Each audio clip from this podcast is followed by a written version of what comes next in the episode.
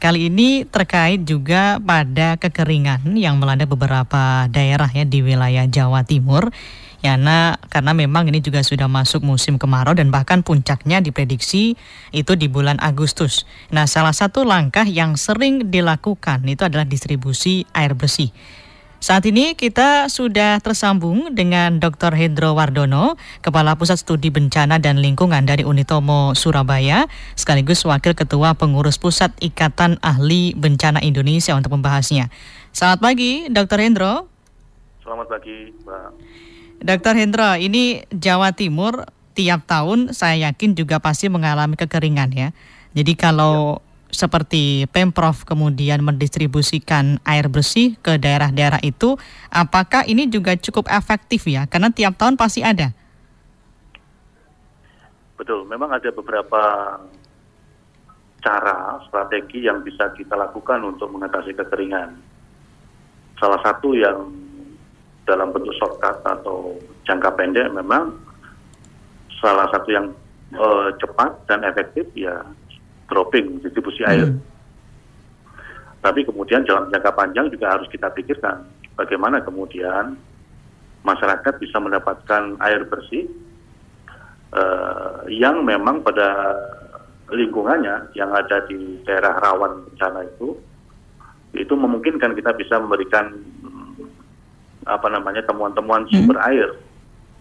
Terus kemudian juga ada hal-hal yang bisa dikembangkan misalnya dengan geomembran, dengan membangun embung-embung hmm. yang kemudian bisa dimanfaatkan oleh masyarakat sekitar secara swadaya ketika musim kekeringan itu datang, hmm. mereka bisa uh, untuk mengambil eh, upaya-upaya uh, yang dalam jangka panjang sudah kita siapkan itu. Baik, Dr. Hendro ini nampaknya kalau kita amati ya meskipun dengan solusi jangka panjang seperti pengelolaan das ataupun pembangunan waduk ataupun juga mencakup uh, konservasi tanah dan juga air, apakah ini ya. juga ada dampaknya? Karena ketika masuk musim kemarau pun lagi-lagi harus distribusi air begitu. Artinya kan tidak tidak banyak memberikan efek kepada uh, para petani ataupun juga masyarakat ketika masuk musim kemarau begitu ya. Ya, memang kalau uh, dilihat dari posisi sekarang, memang saat ini yang kita banyak dilakukan oleh teman-teman BPBD adalah dropping air.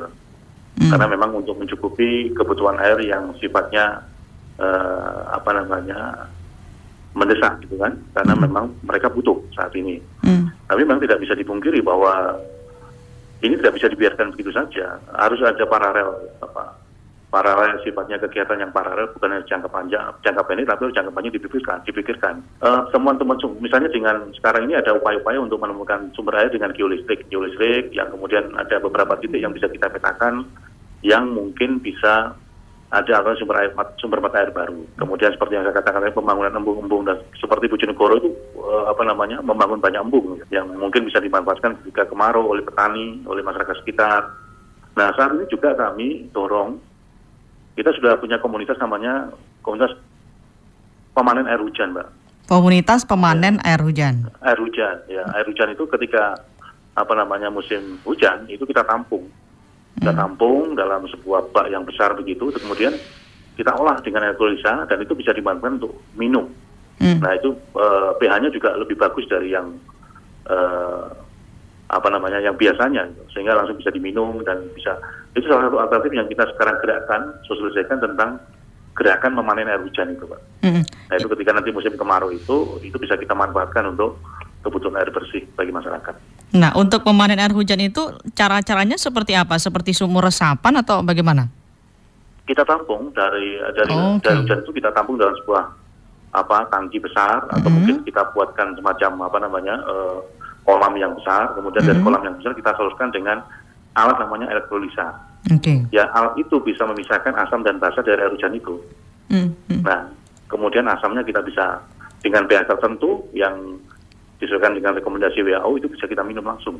Oke, Dokter Hendro, ini yang juga perlu kita ya. soroti ketika uh, pemprov ataupun juga pemerintah daerah setempat ini mendistribusikan air bersih, butuh berapa banyak? Karena kan tiap daerah kebutuhannya beda-beda. Kalau misalkan uh, satu daerah itu diberikan beberapa, beberapa tangki, itu kan tidak cukup juga. Karena musim kemarau ini puncaknya masih di Agustus dan ini juga masih berjalan begitu loh ya. Ini kan juga butuh nanti ada pendanaan dari daerah ya.